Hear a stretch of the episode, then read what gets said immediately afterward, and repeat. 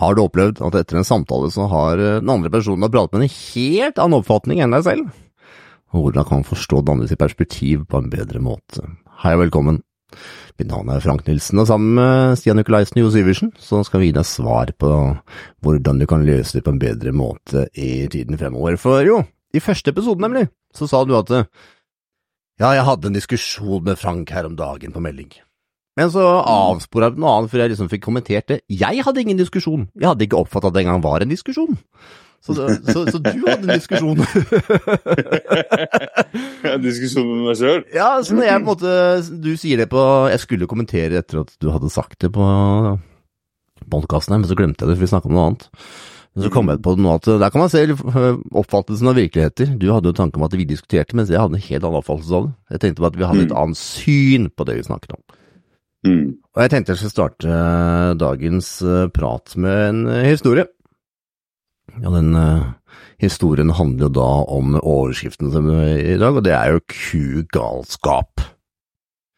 Og jeg må spole tiden tilbake til eh, som blir det? Vi jeg vil da i høsten 22, da. Så selger vi hus, og fram til vi finner plass å bo, så leier vi plass på en gård. Og det eneste jeg har sett av kuer i mitt liv, og andre slags dyr av stor størrelse, det er når jeg har kjørt på en landevei og sett jeg gått på innhegning. Det er det, er liksom, det nærmeste jeg har kommet kuer. Jeg syns de har vært skumle og vært jækla svære. Så når vi da kommer og flytter inn på på en gård, så driver du da med kuer der. Og da i de åtte månedene før denne hendelsen her inntreffer, som jeg nå skal fortelle om, så er jeg jo inne i disse kuene ganske ofte. Det er jo fruen som er der mest hun skulle bare 'Jeg skal bare en tur ut på låven', og så tre timer etterpå så kommer jeg tilbake for å ha på en måte holdt på der hele tiden. så jeg er jo inne av og til syns at det der er litt skummelt. Så du kan tenke deg jeg er nesten to meter høy, så hvis jeg skal gi de for eksempel en gulrot, så strekker liksom handa så langt jeg klarer bort, så at jeg å, akkurat rekker bort. for jeg syns det er litt skummelt med disse kuene, selv om de står bak da et, et metallgjerde eller gitter eller innhegning eller hva det heter. Og dette er jo en ny låve, så dette er jo da kuer som går fritt, og de har sin egen gummimatte å ligge på, de har koster som massasje, de er store, de koser seg.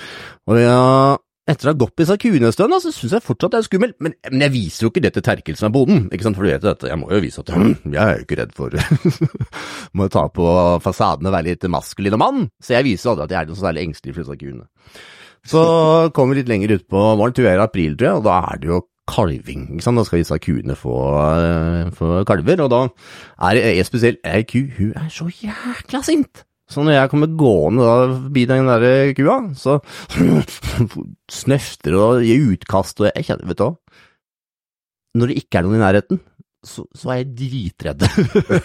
Men jeg sier aldri til noen at jeg er nervøs for den kua. Så, Bortsett fra alle lytterne som uh, hører på nå, da, i hvert fall. Nei, utenom de, da. Så ja, altså den der fasaden av å være sterk og sånn, den, den er kasta for lenge siden. Så spoler du, spor du litt, så spoler du litt lenger fram, og da ligger meg og kidsa da i telt, for det er jo tror jeg, nest siste skoledagen eller noe sånt. Og det er jo kjempedeilig. Det er jo telt som man kan nesten stå i, ikke sant. Og der vi kan ta fremsiden, man kan ligge i sovepose og se utover vannet og sånn. Kjempedeilig. Så jeg våknet på morgenen klokka sju, og jeg kjenner at jeg må så sjukt på dass. Så da kan jeg enten jogge bort til dass, som kan være vanskelig noen ganger, eller jeg kan kjøre bort. Så jeg har ikke fått søvn ut av øynene, setter meg i bilen, kjører bort uh, der det er mat og toalett. Altså, du vet når du er så trøtt at du får litt sånn doggete syn, vet du. Du vet det? Vet du hva jeg mener da? Du, du, du ser liksom ikke helt ordentlig, du er bare så jæklig trøtt at det bare er masse dogg på øynene. Ja. Og jeg parkerer bilen, og så syns jeg jeg ser at det står noen kuer der. Men det er også et jorde med innhegning, så tenker jeg ja ja, de står jo sikkert der, de sikkert bare flytta seg litt på natta eller noe sånt. Og jeg går inn og ordner, får gått på toaletten og finner litt mat til kidsa og sånn, og så går jeg tilbake i bilen og så kikker jeg litt ned, for der jeg har parkert bilen, nemlig, så går det en grusvei. Og på siden av den grusveien så er det nemlig et jorde, og der er det innhegning som kuene da går. De skifter jo, vet du, de går rundt overalt på, løpet av hvor sola er. Og der ser jeg at de kuene er ikke på innhegninga. Nei da, de står på veien. De står på grusveien, nemlig. Så jeg hadde ikke sett feil første gangen. Så jeg tar jo da og så ringer til Terkel, og så sier jeg at ja, dette er klokka ja. Så hører jeg ja Da sier jeg kudene dine, de er på avveie. ja, de er ikke der de skal være. Og så kommer det noen gloser og så ja, takk skal du ha. Og så kommer han ut og tenker ja, jeg får noe hjelpe til, da, for det er jo enda 20 minutter jeg skal gjøre disse barna på skolen, så jeg kan jo, kan jo bidra, jeg. Så han kom jo da, om mulig, enda mer trøttere i trynet enn meg, på firehjuling. Og så spør han ja, vil du være med? Ja, ja, ja, jeg setter meg bakpå, jeg. Og mens jeg sitter bakpå der, så sitter jeg og tenker på her går det da okse, og den sinna kua går jo der, og så er det ca. 30 kuer. Ikke sant? Og jeg er jo ikke så jækla tøff i trynet egentlig når det gjelder kuer, men jeg sitter nå bakpå her, da. Og jeg tenker at de her er jo faktisk løse. de her er faktisk ute og går. Men jeg tenker at Terkel han har kontroll på det. Han har jo fått med kuer så han ikke bleier, ikke sant. Så han, dette er jo helt vanlig for han. Så vi sitter og kjører firehjulinger bortover, og til slutt så finner vi disse kuene. Og de storkoser seg jo, for de har jo funnet et beite og tråkka ned strømgjerdet. Så jeg tenker at jeg holder meg litt i bakgrunnen, for han har total kontroll på situasjonen her. Ja da, han hadde totalkontroll fram til den sinna kua, vet du, som jeg sa innledningsvis. Den har jo nå fått eh, litt eh, ferten av, og er på litt nytt beiteområde. Ja. Ja, så det som nå skjer, er at han står liksom og prøver liksom å få geleida det inn, og sier koa, koa, koa, koa, for liksom kua inn, på, inn, inn der inne. Og jeg står litt i bakgrunnen med firehjulingen, for tenker, jeg har firehjulingen mellom meg og kuene, så står jeg ganske trygt. Men så ser jeg at dette går så fint, så jeg går forbi firehjulingen, og så tenker jeg nå skal jeg stå litt her. Men da, skjønner du, den der kua, vet du, vi får, vi får øyekontakt. Jeg ser midt inn i hvitauet på den kua, som nå endelig har fått ferten at det mellom den der friheten med beiteområdet og, og liksom innhegning. Det er meg! Og så sier Terkel 'Sperr av! Sperr av!' Jeg bare Nei! så den kua kommer løpende for meg, og jeg skal love deg, jeg sperra ikke av. Altså. Jeg bare løp og søkte dekning bak den firehjulingen. Altså, jobber menn, har kommet ned fra gården opp dette greiene, så sier jeg at uh, Jeg var ikke så tøff der, altså. Nei, jeg skjønner det at uh, Jeg glemte jo det at uh, du er ikke helt vant med det her, du. Nei. Jeg er ikke helt vant med det her. og da møtte på en måte bonden som da har liksom har gått med bleier, holdt med disse kuene hver dag. Og asfaltkongen møtte jo så da i en virkelighet. Ikke sant? Jeg var livredd for kuene, og han tenkte ja, det er verdens mest naturlige ting å sperre for den kua så ikke løper videre. Det er klart det. Men det var ikke for meg. Nei. Så jeg tenker at det er en sånn lærdom, da. Der vi på en måte tar veldig mange ting for gitt. Absolutt. Og tenker at ja, det må du skjønne, eller det må du kunne, eller det er helt greit, eller det er enkelt å gjøre, eller Men fytti grisen, altså. Det er jo et sånn kroneksempel på at det er ikke det, altså. Ja, nei, uten tvil. Uten tvil. Det er, eh, nei, det, det er merkelig, det der greiene der. Hvis det er som du sier, hvis det er noe du kan, hvis det er noe du vet, hvis det er noe som bare er, faller seg helt naturlig, så, så tenker du liksom bare at ja, ja. Ja, men altså, selvfølgelig. Du, ja, som du sier, du forstår jo det. Du skjønner jo det, liksom. Ja, Du skjønner at du må stoppe den kua, Frank. Ja. Ja, han forstår jo ikke det, han skulle bare tatt ut armene og bare stått der, det har ikke gått Ja, ja, ja. Du tenker jo ikke sånn når du ikke har gjort det i 30 år. da søker du dekning. Ja, og det er det her som jeg tror er liksom opphavet til mange diskusjoner òg. Mange krangler, ikke sant. Vi alle har barn, eller vi alle har barn. Vi alle har ikke barn, men for de som har barn, så har de alle erfart at eh, barn har sett seg i vranglås. Nei! I dag skal jeg ikke i barnehage, eller skal jeg ikke på skole, eller hva det måtte være.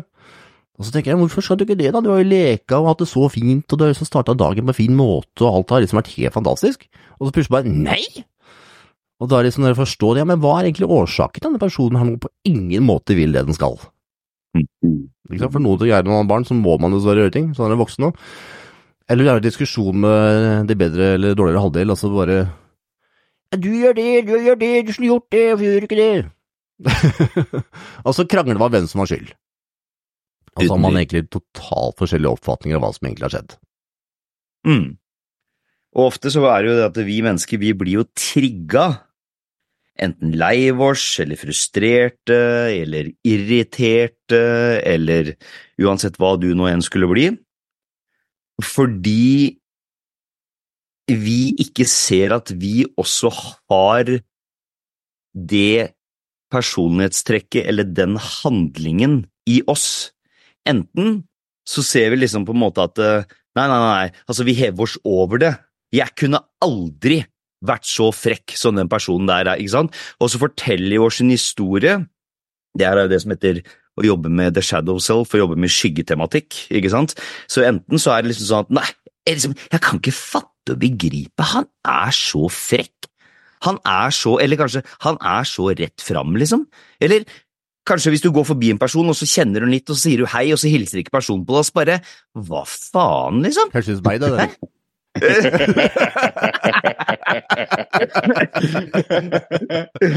ja. ja. Og, og, og, og, og, og det, der med, det der med å enten være da litt for stolt til å innse at du har de trekka som du peker fingeren mot, mot andre, ikke sant? Som sagt, jeg kunne aldri gjort det. Herregud, jeg skjønner ikke at hun er sånn, eller at han er sånn. Så når du sier med partneren, da, Liksom sånn, liksom sånn, å fy faen, jeg er så drittlei det maset, liksom. Jeg skjønner ikke, maser jeg så mye på deg, men sannheten er jo det, at i en eller annen form så gjør du akkurat det samme. Du bare er ikke bevisst på det. Og når du på en måte klarer å se det, at faktisk, ok, når og hvor, la oss ta for eksempel hvis noen er frekke, da, som sagt, hvis noen avviser deg eller noe sånt, ikke sant, når og hvor, og mot hvem, er det jeg var frekk eller avviste noen sist? Ikke sant? Og, og, så, og så vi egoet vårt, eller liksom vi sier nei, nei, nei, vi hever seg over, jeg, jeg gjør ikke det. Er det helt sant? Når og hvor, og mot hvem er det du var frekk og avvisende sist? Ja, ok, ja, jeg var jo kanskje litt Jeg hadde en dårlig dag her i forrige uke, da, så Ikke sant? Ja, ja, jo, ja, når jeg tenkte meg godt om ja, faktisk så hadde jeg en dårlig dag også når jeg, når jeg sto i køen og det var noen som var liksom litt sånn ikke sant? Så, Og jo flere eksempler du kan finne på det når du kan eie det trekket, den handlingen eller den ikke-handlingen som det heter, det her er det som er så sprøtt da. Da blir den triggeren nesten vekk. For du innser at du, ja, men jeg har jo også det, jeg er også frekk noen ganger, jeg er også avvisende noen ganger, eller jeg også maser på partneren min noen ganger, på min måte, innen mitt verdisystem, kanskje ikke akkurat med de samme tinga, for eksempel å ta opp sokkene og underbuksene, men hvis, men, men hvis hun, for eksempel, hvis dama ikke gjør det som jeg syns hun burde gjøre, eller må gjøre, eller skal gjøre, da er det min finger som peker på hun, så det er bare i et annet kontekst, ikke sant? Og det vi mennesker gjør, er at vi som sagt, vi dømmer jo alt fra politikere til kjæresten til kompiser til kjente og ukjente, på en måte. At de ikke klarer å tenke at du gjør det, at de ikke gjør det. Ja, for vi eier ikke det trekket, ikke sant? Vi eier ikke den handlingen i oss sjøl. Mm. Mm. Veldig interessant. og det som Jeg, jeg bare sitter her og bare konsumerer mine egne indre bilder når dere snakker. Det tenker jeg bare man kan gjøre i situasjoner når vi f.eks. ikke La oss si vi får en følelse av at vi blir ikke hørt, eller at vi, noen avviser oss. sånt noe. Det er jo, De setter en støkke i oss, og det er veldig vanskelig i den situasjonen å bare heve seg over Og, nei, vet du hva, dette her, jeg klarer dette. At du blir jo, Det blir et emosjonelt avtrykk som setter ut. Jeg har en liten story jeg kan bruke det. For at Jeg holdt et kurs eller holdt et kurs for en skole, og da var det da en pulje på pulje på pulje, på pulje, så hele skolen skulle få gjennomgå dette kurset. Mm. Og da var det ca. en gruppe på 70 hver gang. Og jeg hadde jo gjort dette her da, for dette var da tredje gangen av kanskje fem, eller sju, fem, seks, sju ganger. Men jeg husker ikke, for det ble jo bare plankekjøring hele greia. Og så kommer det en jævel inn, og jeg kjente fra første sekund han gikk inn at det her er trøbbel. Det her er her, den jævelen her, og det er ikke så negativt, det er negativt at det var noe feil med men han, han kjørte til sin egen akkord. Han var bare en person, Jeg kunne merke det bare på måten han snakka på. Han fikk andre til å le, følge med på noe sånt. At han der kommer til å stjele hele showet mitt. Det Hva verden skal gjøre med det her? Eh, hvordan skal jeg i det hele tatt klare å få han til å følge med, eller i hvert fall resten å følge med, når han er så eh, eh, utagerende og kunne bare si en setning bare høyt ut, og alle lo av det. Og så plutselig mista alt fokus på meg, så jeg mista tråden, eller ville miste tråden. Og det som er at Jeg gjenkjente jo den følelsen av sånn, Å, der kommer den jævelen fordi jeg er jo den jævelen sjøl. jeg vet jo at jeg har jo vært akkurat Henrik! Ikke sant? Ikke sant? Så jeg bare OK. Hva ville en sånn jævel som meg, litt yngre versjon, likt? Så sitter jeg og ser på det. Jeg gir noen et par-tre minutter, men det hadde ikke jeg gjort, et, eh, gjort noe der, så hadde det eskalert til bare kjøre rett på trynet. Så jeg innså at vet du så klart gubben, eller gutten her skulle ikke sette seg nederst. Han skulle ikke sette seg bortest eller øverst i, i venstre eller høyre hjørne. Han skulle sette seg midten av hele smæla. Og han skulle da prate og reflektere, eller eh, rett og slett speile tilbake mine ord Mm. i en form av hva enn det var, med latter, med å knuffe noen siden av seg, med å ta opp telefonen. Og alt dette her skjedde, og det her klarte jeg heldigvis å legge merke til. Takk hva enn ovenfor. Det, ok, nei, ok, la merke til det fra første sekund. Og han satte seg i midten. Det eneste jeg kunne gjøre, var jo å bruke det til min fordel.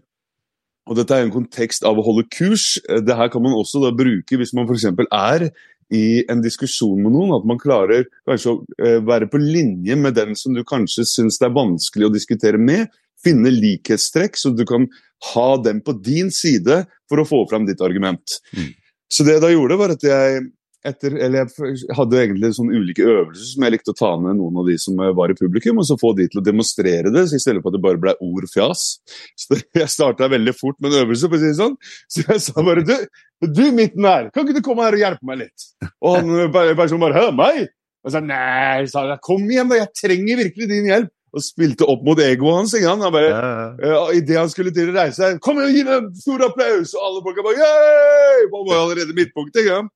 Kommer slantrende ned der. ikke sant? Bare, hva skal jeg gjøre? Og så gjorde jeg en eller annen øvelse som på en måte går egentlig mer ut på å eh, jeg, fikk, jeg fikk han til å fokusere på noe relatert til hva jeg snakka om. Men hele poenget var egentlig bare å få han til å roe seg. Det var det, egentlig det som var greia. Mm. Men, men eksempelet mitt var i forhold til det å bruke energi, og så kjente seg det at det står der, fest beina dine i bakken, løft opp hånda di. Så ville jeg at du bare presser imot når jeg presser ned.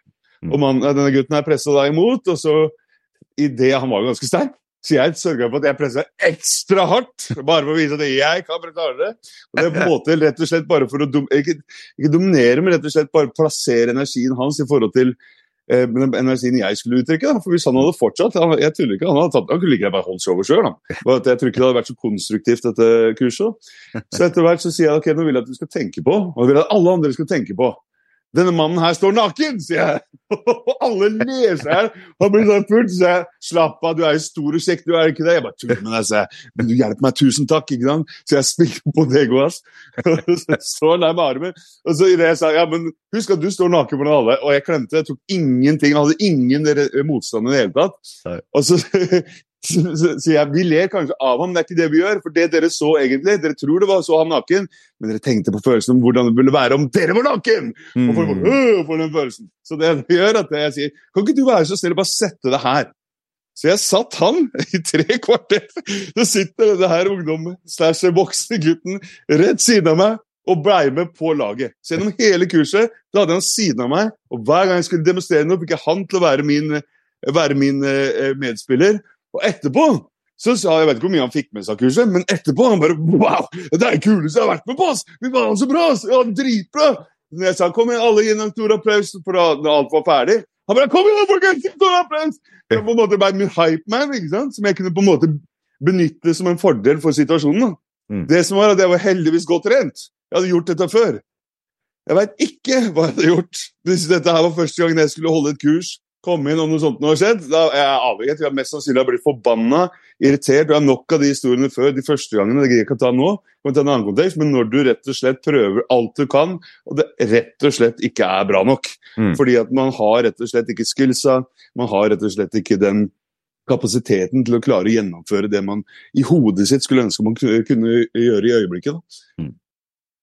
Det er en veldig, veldig, veldig, veldig fin måte, da. En veldig fin måte. For det er klart du, som du sier, du i hermetegn setter en på plass, men du gir de positivt i tillegg. Så det er en veldig, sant, er en veldig bra måte eh, å, å gjøre det på en veldig fin måte. Veldig, egentlig, kanskje en av de beste måtene du faktisk på en måte kan gjøre det på, for du, du får jo heder av de, ikke sant? Han, å, det er det kuleste, det er det beste, på en måte, ikke sant? Mm. Men som du sier, du fikk holdt showet ditt, du fikk gjort det som var konstruktivt, som folk faktisk kom for, ikke sant? Ikke Du sant? fikk jo ytra din informasjon, så de, så de fikk uh, tida si vært Uh, Uh, Ja, så, så aha, ja, fin, fin Men jeg tror også at hvis man ser det sånn, hvis man tar det, for det her var jo der bare en livesetting og sånt, noe. man kan jo Mm. også bare skalere det til La oss si du har en diskusjon med en på jobben, eller du har f.eks. diskusjon med en samboer, og det merker man faktisk i eh, sånne settinger med venner eller med barn til stede, da, at det er jo veldig enkelt for at to rotter seg mot én. og det kan da bruke til sin fordel, men noen ganger så blir det brukt mot deg også. ikke sant? Så det er på en måte hvordan er det man kan eller hvordan er det en kan gå gjennom en sånn situasjon og ikke da føle at man ble tråkka huet og ræva ned, når det egentlig bare var snakk om en mening, et perspektiv, som kanskje da egentlig ikke var så utrolig viktig første gang. Mm. Det som er utfordringa, som jeg tenkte vi kunne snakket om, det er jo i dag så er det veldig polarisert samfunn. Mm. Prøv å si imot noen ting, eller for noen ting, og vice versa, så vil du møte massiv motstand. Mm. Og jeg tenker at eh, skal vi klare å komme på en bedre kjøl alle sammen, så må vi jo måte prøve å finne en fellesnevner, da. Liksom, mm. Stille spørsmål ja, men hva er viktig for den personen her? Ikke hva er problemet, men hva er på en måte viktig? Hva er viktig for meg? Hva er det vi har til felles? Og prøve å finne seg fellesnevnere og snakke om fellesnevnerne. For jeg tror vel egentlig det som vi diskuterer, er jo bare småting, egentlig. Hva er mm. egentlig årsaken? Så... Det er, det, altså, absolutt. Og jeg holdt på å si all krangel, diskusjon, til og med krig, kommer jo bare ut av det at mennesker ikke klarer å ta den andre personens individuelle eller kollektive perspektiv. Jeg ser det fra min side. Fuck deg, liksom. Ikke sant? Mm, mm, mm. Og, og, og, det er jo her, her, også en kan da, som sagt, uh, bortsett fra det første som jeg sier, hvor og når og sant, mot hvem er det jeg på en måte har de samme ekstreme meningene, eller gjør akkurat det samme, ikke sant? Men du kan også da gå, ok, så du mener det. Ok, hva kan den potensielle sannheten være i det som den andre personen mener, som har da, som du sier, Frank, en helt annen polaritet? La oss si du vipper Det er samme. La oss si du vipper hakket mer mot venstre enn høyresida innen politikk, ikke sant? Eh, la oss si du er for For å si det sånn, da, du kan egentlig si det sånn, la oss si en vipper litt mer mot at hun ønsker frihet. En ønsker litt mer at det, bare Når hun sier da Høyre, så tror folk at du snakker om nazisme med en gang. ikke sant? Men la oss si du, la oss si du, Frihet til å bestemme sjæl og ikke Helt riktig. Så la, la, oss si du vipper litt mer mot frihet og det å bestemme sjøl over ditt eget liv, ikke sant? Og så har du kanskje da ytterpunktene Charles Schwab i Economic, World Economic Forum, ikke sant? Og hvis du da vipper litt mer mot at, vet du hva, eller, eller veldig mye mer mot at jeg ønsker min egen frihet, jeg ønsker min egen autentisitet, jeg ønsker ikke å bli overvåka til enhver tid, jeg ønsker å ha mine egne på en måte kroner i banken, jeg ønsker ikke at alt skal bli digitalisert, jeg ønsker ikke at The Big Brother skal på en måte kunne overvåke meg til enhver tid, og at barna mine på en måte skal vokse opp i et sånt samfunn der faktisk absolutt alt blir sjekka og kontrollert av liksom til en sant, absolutt alt. La oss si du er liksom litt sånn Jeg vil helst at vi at jeg, jeg, vil, jeg, jeg, vil, jeg vil ha litt mer frihet. Litt mer, ikke sant? Men det du kan gjøre da, for å ikke bli så trigga og irritert, er da ok Hva er den potensielle fordelen ved å ha et kontrollert samfunn. Ser ingen, Stian. Helt. Helt riktig. Og det er derfor jeg tok det eksempelet. Jeg vet at du ikke ser noen positive sider ved det. For det, det er det her som er greia. Det er så jævlig lett å sitte og si det vi sier. Men når noen utfordrer din høyeste ja. verdi. Jeg, jeg, jeg hørte at det var meg du sitte der du satt og snakka Veldig vanskelig. Ikke sant? Kan det potensielt sett, i all den tilsynelatende elendigheten, kunne det blitt mindre, mindre vold? Nei. Kunne det blitt mindre konflikter? Nei kunne det blitt Det er å lure seg sjøl. Nei, nei, nei, nei, nei, Men det jeg merker, da, det, det som er kult det du sier der, Sian, Stian, at hvis man da bare tar den eh, det, som det, det der er verdenspolitikk Hva hvis du bare snevrer den inn mot familiedynamikk? Ja. Og så gir du barna dine krav. Mm. Nei, du får ikke lov til å gjøre det. Du skal ikke spise det før den da, da, dagen eller den datoen.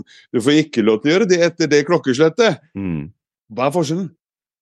egentlig er det strukturer satt på plass for å da fremme egentlig tanken, i hvert fall, om at noen vet bedre enn andre. Ja. Problemet i den situasjonen der er at da kan man da begynne å si at ja, men vi er jo voksne nok til å tenke sjøl. Ja, men bare strukturen i seg selv Mm. kan ha en verdi. Det er bare hvor mye av det blir implementert, hvordan det blir implementert, hvem er det som implementerer det, hvem er det som sier at sånn skal det være, ikke være. Jeg kan love deg at til tider barna mine syns nok jeg er en jævla idiot når jeg sier at nå skal gå og legge deg. Og så sier de nei, hvorfor det? Det er fordi du skal på skolen i morgen. Men jeg vil ikke legge meg, jeg vil ikke på skolen. Ja, men sånn er det. Ja, men hva da, sånn er det. Jeg vil ikke! Og da på en måte, i mitt hode så er det sånn det skal være. Og det er det jeg kan legge merke til i forhold til de større politiske situasjonene. At det er bare en antagelse eller en form for redegjøring at det er sånn her mener vi det skal være. Mm. Og vi har på en måte da ikke makten, for det er, ikke én som har makten, men det er flere instanser som på en måte ser det positive med disse endringene, for å kunne få til noe da som vi på siden kan si ja, dette her syns jeg er helt idiotisk, Mm. men de i sitt uh, ut, uttrykk, eller hvordan de utfolder disse type barometere, da, så vil jo de kunne si til seg selv at det fungerer. Det er bare det at det blir litt sånn som at hvis du har et foreldre som kanskje ikke gjør den beste jobben, Mm. og så har du da en, en nabo som har en veldig god forelder, og du ser at de har en helt annen tilnærming. Hjemme så kanskje i verste tilfelle, for å bruke noe som ikke jeg sjøl har opplevd, men jeg har hørt andre blitt det, du har blitt slått for å gjøre noe feil, du har på en måte blitt mishandla eller behandla feil, eller bare mentalt eller emosjonelt mishandla. Og så ser du da den andre siden, eller andre familien, dem har ikke sånn. De sitter hjemme og spiser middag hver dag og sånt noe. Så vil jo det individet kunne legge merke til det her vil jeg ikke ha, dette Mm. vil jeg ha. Men den familien i seg selv, de tror jo at alt er bra. De tror alt er på stell. ikke sant? Andre familien tror at alt er på stell i sitt hus. ikke sant?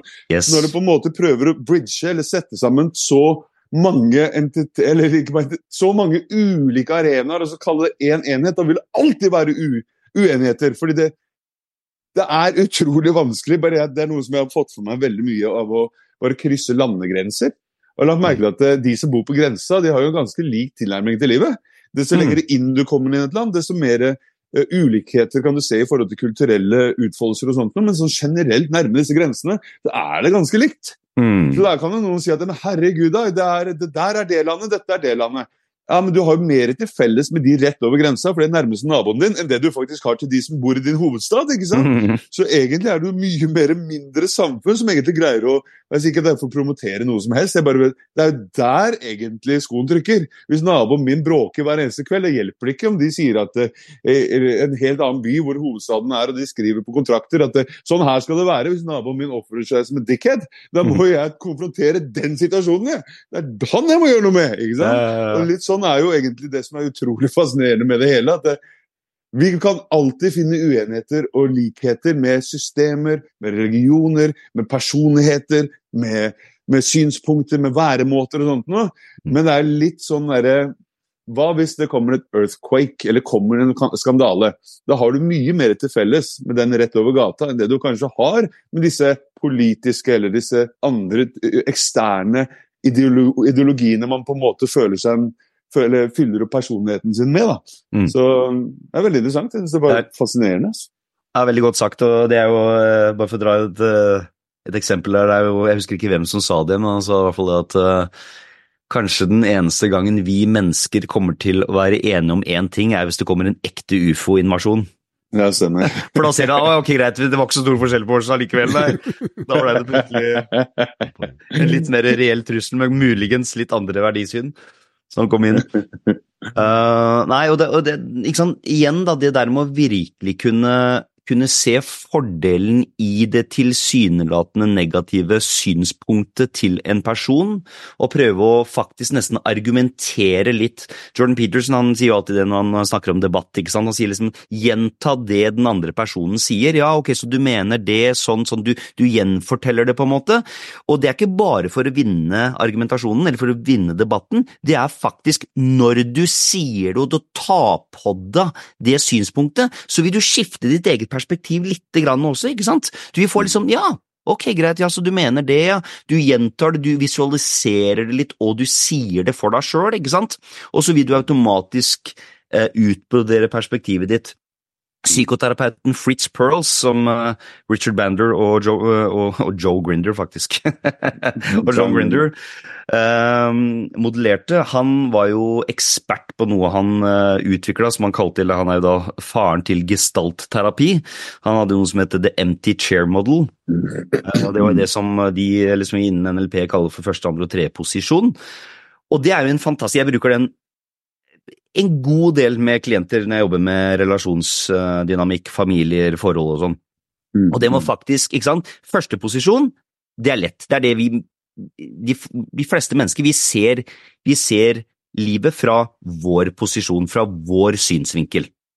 Så la oss si du for eksempel har en diskusjon med eh, enten barnet ditt, eller la, la, la oss si kona di, da, eller mannen din. Ok, så gå helt spesifikk. Hva er, hva er, problemet, hva er det som blir sagt? Ikke sant? Ta den store historien, som jeg sa sist podkast også, ta den store historien om problemet, og virkelig del ned til hva er det helt spesifikt som egentlig er problemet. Hva er det han eller hun sier eller gjør eller ikke gjør? Ok, og så setter du deg faktisk i sofaen eller i stolen, eller står på den måten som partneren din står, og ser faktisk livet opplevelsene, hvordan er det den personen tenker? Hvordan er livet for den personen, hvordan er situasjonen for den personen når den for eksempel maser om noe? Er det litt hjelpeløshet, er det litt frustrasjon, er personen litt lei seg, er det mer liksom frustrasjon og lei seg enn egentlig kritikk? Kommer bare kritikken fram på grunn av en litt sånn håpløshet og frustrasjon, ikke sant? Og så er det jo da å være guruen, den, den altvitende fugleperspektivet, det objektive perspektivet, der du ser både deg sjøl og partneren din. Du står i andre enden, og så ser du liksom sånn, hva er det de to her faktisk kan gi til hverandre? Hva er da det mer objektive synspunktet? Hva er det den ene kan gi til den andre? Ikke sant? Hva er det du ser nå? For alle vet jo det, du kan ha et vennepar som krangler, og så sier de ja, men herregud, hvorfor gjør dere ikke bare det? Det er bare å gjøre dere her, så ordner det seg. Men det er noe helt annet når du står oppi det sjøl. Og det er det som er så fint med den øvelsen her. For du får det akkurat som du er han altvitende kompisen som ser på det håpløse venneparet som driver og eh, krangler hele tida. Og så får du liksom litt mer sånn, du får perspektiv. Så da har du ditt perspektiv, kjæresten din sin perspektiv, og den altvitende kompisen din eller guruen sitt perspektiv. Og det kan du gjøre egentlig nesten med enhver situasjon. Mm, mm. Krangling i hermetegn på tekstmelding, eller om det er som sagt kjæresten, eller om det er barna, eller politikerne, uansett, ikke sant? Og det er så viktig, for det er jo det her som er psykologisk vekst. Ikke sant? Jo flere perspektiver du psykologisk sett kan ta, jo mer moden og mer visdom har du, liksom. Mm.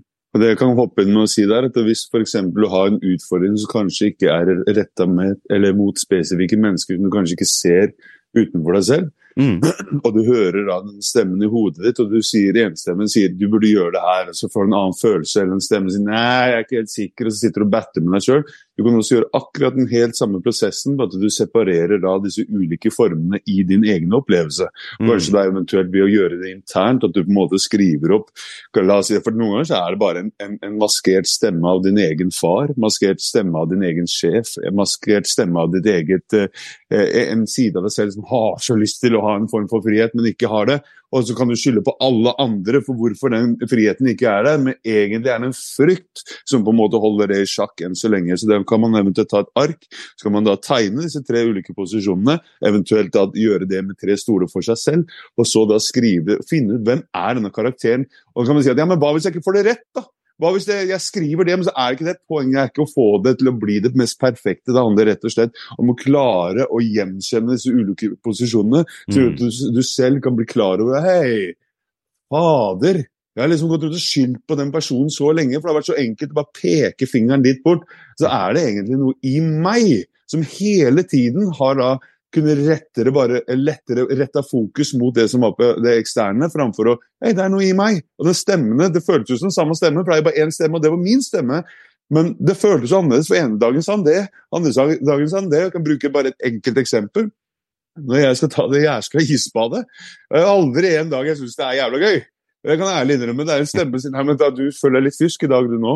Ja, det gjør jeg. Ja, det stemmer. det stemmer Litt fysk. Ja, ikke helt bra. Litt rennende nese. Det stemmer. I dag er rennende nese. du. Så er det en annen side som Kom igjen, bare gjør det, da. Så, nei, men, ja, nei, nei, du kan ikke. Og så kommer alle disse ulike perspektivene fram som har så utrolig mye å si. Så i helgen så hadde jeg besøk av en kompis. Jeg var litt pjusk. Jeg innrømmer, Snørr og rant. Jeg følte meg litt neff, eller ikke nedfor, men kroppen var litt tilbakestilt. Og så sier jeg ja, vi skal ta isbad i morgen, da. Han, gjør jo ikke dette til vanlig, han bare blir så inspirert av at jeg har gjort det så lenge. Og så sier jeg jo hvis du vil det. Og så i løpet av dagen så ja, når skal vi gjøre dette her? Så jeg, ja, gjør det nå, da. Og, så, sier jeg, men, og det er ikke tull engang. Balja er såpass liten at hvis jeg hadde satt meg oppi først, så hadde jo vannet spruta ut, og da måtte jo, hadde ikke vært vann til han. Så jeg sa du får gjøre det først, da. og han hopper oppi, gjør det, bare drar seg rett gjennom det, og jeg ble helt overrasket. Wow, så godt gjort! Og da tenkte jeg jeg har gjort det så mye, så jeg må i ta ett og et halvt minutt bare for å vise at jeg, dette kan jeg. ikke. Også fordi at jeg gidder ikke å hoppe tilbake, jeg må jo på en måte i hvert starte der baselinen min. Og så dagen etter, eller på kvelden, øh, dette var da kvelden før i går, så sier han at ja, i morgen skal vi starte dagen min. da, første vi gjør. Så jeg, la oss gjøre det. Første vi gjør. Setter jeg på alarm, og så, går jeg, så, så vekker jeg da- med. Ja, ja. Så klokka, når klokka ringer, så går jeg da inn, banker på døra og sier alle er du våken? Så åpner jeg opp, og da bruker han å sove med sånne eye blinders, eller sånne ansiktsmasker. Og da har han den på panna, så klarer jeg ikke å se i mørket. Har du øye opp, eller sover? Så er du våken? Han bare Ja, ikke så lite barn. Ja. Jeg sier, er du klar? Jeg bare, eh, eh, ja da, jo da, skal vi gjøre det nå? Jeg bare, ja faen, kom igjen da. Og så sa han bare, ja, ja, bare, ok. Eh, og så tenkte jeg, ok, skal vi gjøre det? Ikke gjøre det. Så jeg går ut, og så røsker litt i isen der ute, bare på en måte eh, klargjøre meg, for jeg får ikke gjort det først, for da går jo alt, halvparten av vannet bort, og da har ikke han vannet opp til halsen han heller. Så da, og plutselig så sier han bare, gi meg 30 sekunder! Så det er ok, 30 sekunder. Plutselig bare brase døra opp, brase utgangsdøra, bare setter han oppi der, og så lager han ikke mine. Nesten så han ikke puster. Så jeg sitter og ser på han, bare, går det bra? Bare, ja, ja, sier han. Og så er det ikke kaldt, sier han. Nei, ikke i dag. Jeg bare, wow, kult! Og så går han opp, og jeg setter meg oppi bare «Å, Du sa ikke da! sier jeg. Bare, jeg bare klar meg, da. Du kom inn, du forteller meg hvordan i all verden klarte du i første gang å sette deg oppi der, ikke PC? Så sa han at jeg lå der, og jeg kjente at jeg ville ikke, jeg ville ikke, jeg ville ikke. jeg ville ikke, jeg ville ikke, jeg ville ikke. Og så sa han bare Men jeg ser jo bare at det er et, noen få sekunder. Og hva i helvete i meg er det som sier jeg vil ikke? Pakk det her, sa han Takk til Charlotte. Han var godt å gjort det. Men så hadde det ikke nok med det. Han skulle også lure meg. For jeg hadde vært den som pusha han. Han kunne vise at det, er ikke kaldt. Så jeg trodde jo, jeg trodde jo på den. at det, det, det, å ja, det er ikke kaldt i dag, det er som å sitte i lunka vann. Og setter man ned. Så han fikk jo litt Han fikk en for, for glede av å se meg lide litt òg. Ja. Så det er så utrolig mange måter man kan tilnærme seg samme ting på. Og det her er, vi er nå to ulike personer. Men hvis jeg og han snakker sammen, eller når vi snakker sammen, så kan jeg da neste gang bare legge meg Ok, han, han klarte det. Jeg så han klarte det. Jeg så at han fysisk var kapabel til å sette seg oppi der uten å pese og flåse. Åh, synes så synd på deg selv, eller tillate kroppen å ta inn så mye. Hva hvis jeg også gjør det neste gang? Mm. Så vi kan på en måte modellere legge merke til La oss si, og det er der jeg tror veldig mange møter en form for vegg i seg selv mange ganger når det gjelder diskusjoner, utfordringer, perspektiver. At vi føler at vi sier noe, vi har en mening, og sånt, og så neste gang så bare Fader, altså, ah, hvorfor sa jeg det? Eller vi gjør det på den måten her. Og så skjer det igjen. Og så skjer det igjen. Og så skjer det igjen. Og så til slutt så det Nei, vet du, jeg orker ikke de situasjonene her. Jeg vil ikke ha disse eh, opplevelsene her. Ja, hva hvis det er en utallig, uendelig, ulike måter å tilnærme seg en situasjon på? Og hva hvis du finner den metoden som fungerer for deg? Ikke at du skal bare ta en metode og bruke det, for det har jeg gjort nok feil med i mitt liv, men ta en metode og finne ut hvordan den fungerer for deg. Og så benytte den sånn at du da neste gang rett og slett har større perspektiv eller flere perspektiver tilgjengelig i sånne ulike utfordringer. Mm. Mm. Jeg har jo en kjepphest, og det er jo sosiale medier. Og det kommer jeg til å følge opp i denne podkasten her. eh, sosiale medier og medier har jeg en kjepphest mot. Jeg mener at det fører svært lite bra med seg. Og jeg skal bruke et lite eksempel. Vi, du sa Jordan Peterson i stad, Stian. Og vi har jo vært eh, og møtt Jordan Peterson to ganger. Mm. Og senest var jo nå i Stavanger. Og ja, vi sitter og hører og syns at det eneste han egentlig står og prater med, egentlig er å ta ansvar. Det var liksom det den røde tråden var gjennom hele foredraget. Og så ble jeg tilsendt eh, en video dagen etter, som er fra NRK, der de sier at eh, Jordan Peterson eh, samler 3000 eh, mennesker i Stavanger, ishaller eller hva det nå enn var. Mange av dem er unge høyreekstreme. What? Ja, ja. Det er helt sprøtt. Eh, Det er det helt er, sprøtt. og det som er veldig interessant, er at for det første så var jo majoriteten nå, vi var 40 år, og mesteparten var på vår alder. Ja. Eh, og veldig mange var jo også kvinner. Og det var Absolutt. ingenting i den samtalen her som på noen slags måte det gikk ut mot det med, som var mot høyreekstreme her. Det handlet om ansvar. Ja. Og det var jo mange av en helt annen etnisk eh, et helt annet etnisk opphav enn en, enn skandinavisk. Mange. Absolutt. Og det det handler om, det han egentlig sier, egentlig, det er at eh, har du på en måte en eh, mor eller en kone eller hva det måtte være, gi de litt uh, måtte si at de gjør en god jobb og at de har god Mm. mat, og gi de ros og liksom eh, back det godt opp, da, istedenfor å ta alt for gitt. Så du som mann, ta liksom ta ansvar. Mm. Og det er ikke det du har inntrykk av, altså, når du på en måte sitter og ser eh, denne reportasjen, og der har de også et lite klipp av en religionsforsker som sier at ja, dette her kan gå over til det radikale.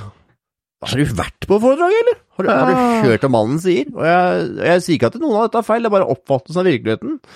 Og vi har jo også vært Mm. på den første han var i Oslo, Stian, det var jo i Oslo Konserthus, som eh, Mm. er svært, og det ble fylt på en time. Vi satt eh, foran, NRK Brennpunkt på ene side og Aftonbladet på den andre side. Og det vi leste og hørte dagen etterpå var jo noe helt annet enn det vi på en måte hadde sett.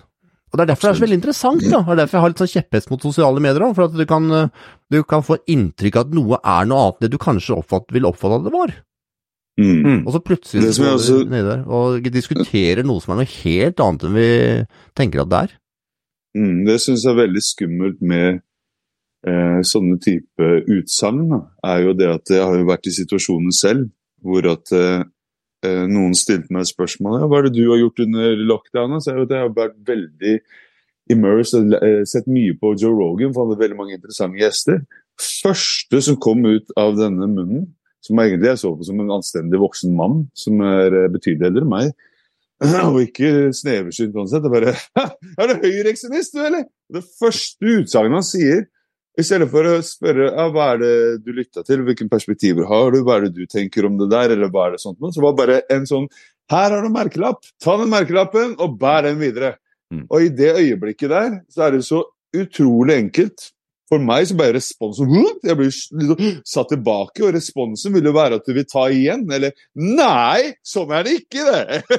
Men saken er det, da er du jo tilbake i akkurat samme frekvens eller bås som den informasjonen har kommet fra. Ja. Så det jeg da gjorde i øyeblikket Hva mener du, se? Hva mener du? Jeg ble så på fjamsa. Så sier jeg ja, men han er sånn og sånn. Så jeg, ja, for du har jo sikkert sett veldig mye på Joe Rogan, du, se. Ja, det greiene der titter jeg ikke på. Så, nei. Hva er det du titter på? Nyheter, da, kanskje? Han bare Ja, ja, nyheter, ja. Ja ja, for det er jo ikke ekstreme perspektiver. F.eks. hvis vi får vite at det skal bli krig eller det skal bli storm og sånt noe. Det er ikke satt på spissen, er det det? Nei, nei da, da tror jeg vi faktisk er enige. Så er Høyreekstremister og jordas undergang kommer rett rundt hjørnet. da, det er sant? det er en måte å gjøre det. Men det endte jo ikke med at han, endte jo med at han fikk en liten furt, og jeg på en måte litt vant. Men det er jo ikke det som gjør at du blir enig over tid. Det er jo det rett og slett å komme i situasjoner Og det er ikke alle du kan bli enig med heller. Sånn er det bare. Det er jo det å rett og slett prioritere de situasjonene som er viktige. Men hvis du er i situasjoner som familie, forhold, jobbsituasjoner eller eventuelt engasjement med ja, ulike, ulike scenarioer, så er det utrolig viktig å finne en form for middelvei hvor at du ikke føler du blir pusha over, men heller ikke kanskje er så jæskla viktig og alltid har rett hele tiden heller. Eh, så det er veldig trippy. Veldig merkelig. for du ser jo hvor Hvis du kan skrive noe så alle mener og tenker det samme rundt det, og så er det ingen som var på kurs dere var på første gang. Mm. Det er veldig spesielt. Veldig spesielt. Ja, det er helt uh, sant. Og det, jeg vil bare gjerne bygge litt videre på denne der, fordi ikke sant? vi mennesker vi er jo veldig opptatt av akkurat det der å skulle ha rett. Og det er jo da viktig å skulle ha rett hvis noe betyr, hvis noe faktisk er viktig for deg. Da. Det, er jo, det, her gjelder jo bare innen de områdene du faktisk bryr deg noe om. For hvis du tar feil inn et område som ikke du bryr deg noe om, så er det bare sånn ja ja, whatever, liksom sånn. Er, er Saab bedre enn Volvo, holdt jeg på å si? liksom sånn, jeg bare, ja, Ok, greit. har ikke noe å si for meg, liksom. Jeg vet ikke om sånt eksisterer lenger engang. Stian. Nei, nei, nei, ikke sant, ikke sant. Det, og det var faktisk litt derfor jeg tok eksempel nå, faktisk. Det har vel gått ut av produksjon for ti år siden. Uh, helt under at jeg faktisk har fått med meg det. Men uh, som meg så lite om bil. Men poenget er i hvert fall det at uh, Ikke sant. Det du faktisk kan stille deg sjøl da, og denne her, den sitter veldig langt inne for folk. nesten så langt inne at folk bare syns det er et sånn fjollete spørsmål, det jeg sier. Men jeg sier, hva er fordelen ved å ta feil? Og folk bare, det, det er ikke noe Altså, hvis du vinner en samtale, hvis du får rett, lærer du noe da? Nei, gjør ikke det, ikke sant? Hvis du tar feil, har du i hvert fall potensialet til å kunne lære noe da.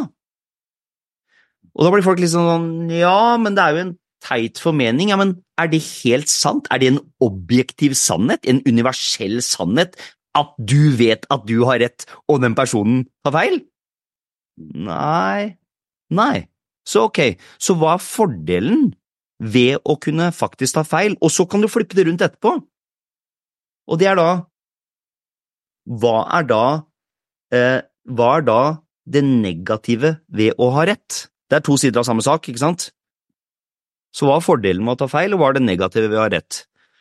For det som er greia, er at da vil du automatisk bli litt mindre trigga, for da er det sånn neste gang du tar feil, så er det sånn ja, ja, ok, greit, greit nok. Det er liksom ikke så Og det her er selvfølgelig det er noe du må gjøre mange, mange, mange ganger innen forskjellige spesifikke situasjoner. Hvis jeg tar feil nå, på en måte, hvis jeg taper i hermetegn den diskusjonen her, ok, hva er det potensielt sett kan lære, hva kan potensielt sett fordelen være da? Ja, Vekstankersett, det kan man bruke i alle innenfor alle segmenter, egentlig. Og Absolutt. Det her er litt morsomt, Sten, for så hadde du med bil, jeg må bare runda din, uh, din ekspertise på bil. Og det her er jo um, noen år siden, og det var ja, ti år siden, 5, 13 år siden eller noe sånt. Og dette var jo da på vinteren, og Stian han jamra noe voldsomt fordi at uh, bilen hans ble henta med bergingsbil. Og satt inn i garasjen. Og jeg måtte hente han hver jækla gang vi skulle et eller annet, for han hadde jo ikke bil. Og jeg tok jo det litt for gitt at han hadde liksom sjekka at det faktisk uh, var noe gærent med den bilen. Så, men etter å ha gått ei uke, eller 14 dager, tror jeg det var, så spør jeg hva er feil med den bilen da? Nei, jeg vet ikke, den puslet så starta han ikke, og så måtte jeg hente bergingsbil, og så har ikke peiling på verkstedet og mye. Kan jeg få lov nøkkelen? Kan vi liksom gå ut og se om kanskje starter den, eller hva liksom er, uh, hva er greia med den bilen? Ja, ja, kan, kan bare ta nøkkelen, står garasjen er jo der nede. Så starta jeg bilen! Ikke sant? Men det som var greia, at det var han som starte bilen akkurat den gangen, så har det vært for kaldt. Dårlig batteri, ikke sant. Men så nå har det blitt kaldt, nå har det blitt varmt i været. Da starta jeg selvfølgelig bilen. Så han kjottmokken der har ikke hatt bil i 14 dager. Jeg har kjørt den hit og dit og henta så jækla mye pes! Men nei da, bilen starta den. Ja da, tut og kjør. Ja, Jeg husker ikke om det faktisk var batteriet, eller om det var det at, jeg, at det faktisk at det ikke var bensin på den, eller. Det var, det var Nei, et eller annet var det i hvert fall. Det var helt Det var den andre gangen var bensin. Det gikk tomt for bensin! Da var det bensin. Kjørte på E18, altså- kaldt 20 minus. Nei, da har det ikke fylt bensin, og så funker ikke bensin! Da gikk vi tom for bensin. Ja. Måtte dytte 20 minusgrader. Og hadde vi kannebilen? Nei da. Vi hadde halvflaske, vi. Tom halvflaske. Så da måtte vi gå en meter med snø på E18, Vasse, med en halvflaske skulle fylle med bensin. Ja da. Det er jo bil, altså. Ja. Nei, så hvis det er noen spørsmål om eh, bil, kjære lytter, så ta det et annet sted. Jeg er ganske lik som deg, er ikke kødder. Da føler, jeg, da føler jeg vi har kommet litt over til den eh, litt mer eh, useriøse delen av eh, programmet. Og det er jo her det er et dilemma.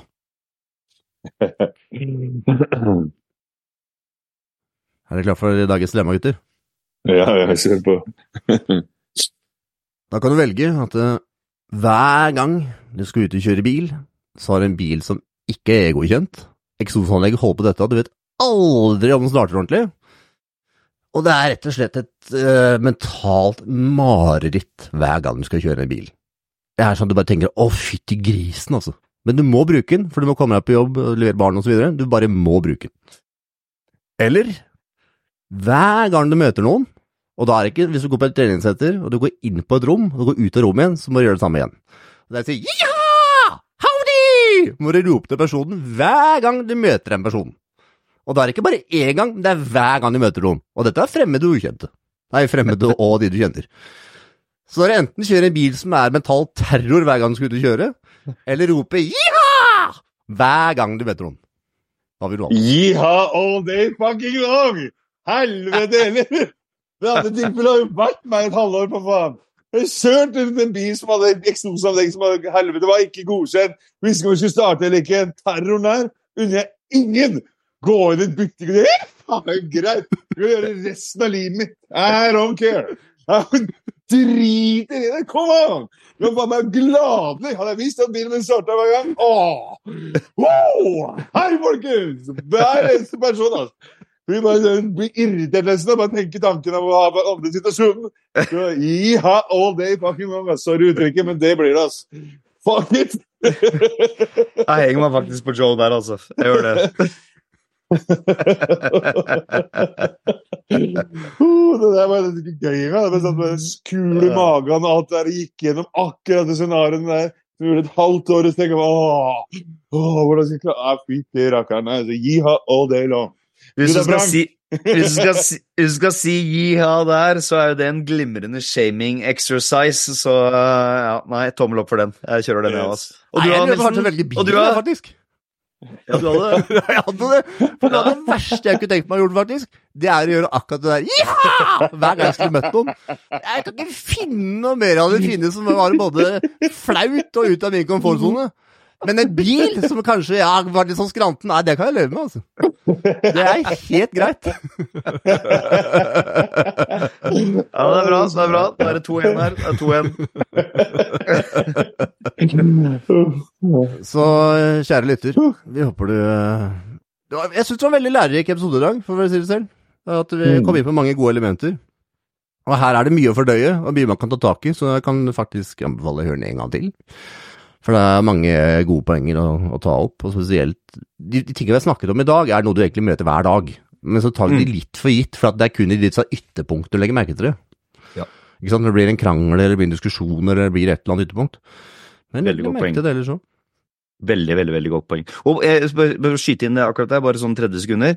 Eh, og og det, det, det er akkurat det her. Det er alle de derre småtriggerne, irritasjonene du kjenner på, bare når du kjenner på den lille sånn derre ah, Og så bare, ja, så kommer det noe annet. Men det er som Frank sier, de her skjer jo på daglig og ukentlig og månedlig basis. År etter år etter år. Og det er sånne små triggere som liksom på en måte de, de forpester livet ditt litt. Grann. Så hvis du har noen sånne litt gode mentale teknikker, så, så kan det faktisk gjøre Det høres litt sånn klisjéaktig ut, men, men ja, det kan faktisk gjøre livet ditt litt bedre. Mm. Mm. Og jeg kan også legge til siste, det tror jeg er viktig at når Frank eller en av dere sa at du lytter til det en gang til, det er så enkelt å høre på det og få underholdningen ut av det. Men Mm. hvis du repeterer og bare hører en gang til, så legg merke til hva er det som spesifikt blir sagt i disse historiene. Ikke bare dett bort i tankene av historien, ikke bare fall bort i bildene du får eller følelsene du får av historien. Hvis du vil lære mer, gå i dybden. Hva var det som ble sagt i de situasjonene? Hvordan ble det gjort? For det er veldig morsomt å bli entertaina av de tankene og bildene man får i hodet, men det er jo en grunn til at det blir sagt i første gang, for det ligger kanskje litt mer bak det. da. Mm. Godt poeng. Og så må vi jo takke alle som har gitt oss femstjerners kommentarer, om det er både på Spotify og iTunes. Det har rent inn med kommentarer, og tusen takk til dere lyttere, altså. Det er Mm. mange som lytter òg, så jeg må bare si eh, tusen takk. Det er Mm. kjempegøy å se at dere syns at det er en god underholdning. Og Virkelig. det hjelper oss veldig at vi måtte få fem stjerner nå, for det gjør at flere får øye på programmet. Og vil du støtte dagens podkast, så gjør du det på Vips på Kjøp og betal på butikken, og så er det da å søke opp Tre vise menn. Og vi snakker om Jordan Peterson her akkurat. Ønsker du å høre hva kona hans syns, og hvordan hun syns det er å leve i et totalt annet liv? Og som eh, plutselig har blitt kjent, og plutselig har det journalister overalt, og var presidenten av Ungarn som plutselig kom hjem i deres hus, som eh, de har bodd i hele sitt liv. Så søkte opp på Two Vikings. Til neste gang, kjære lytter, send gjerne forslag til eh, tematikk til post at mt Frank Nilsen og noe. Så, neste uke, gutter, da finner vi et annet tema. Da er det bare å si eh, ha det bra. Ha det, ha det. Ha det! Ha det bra.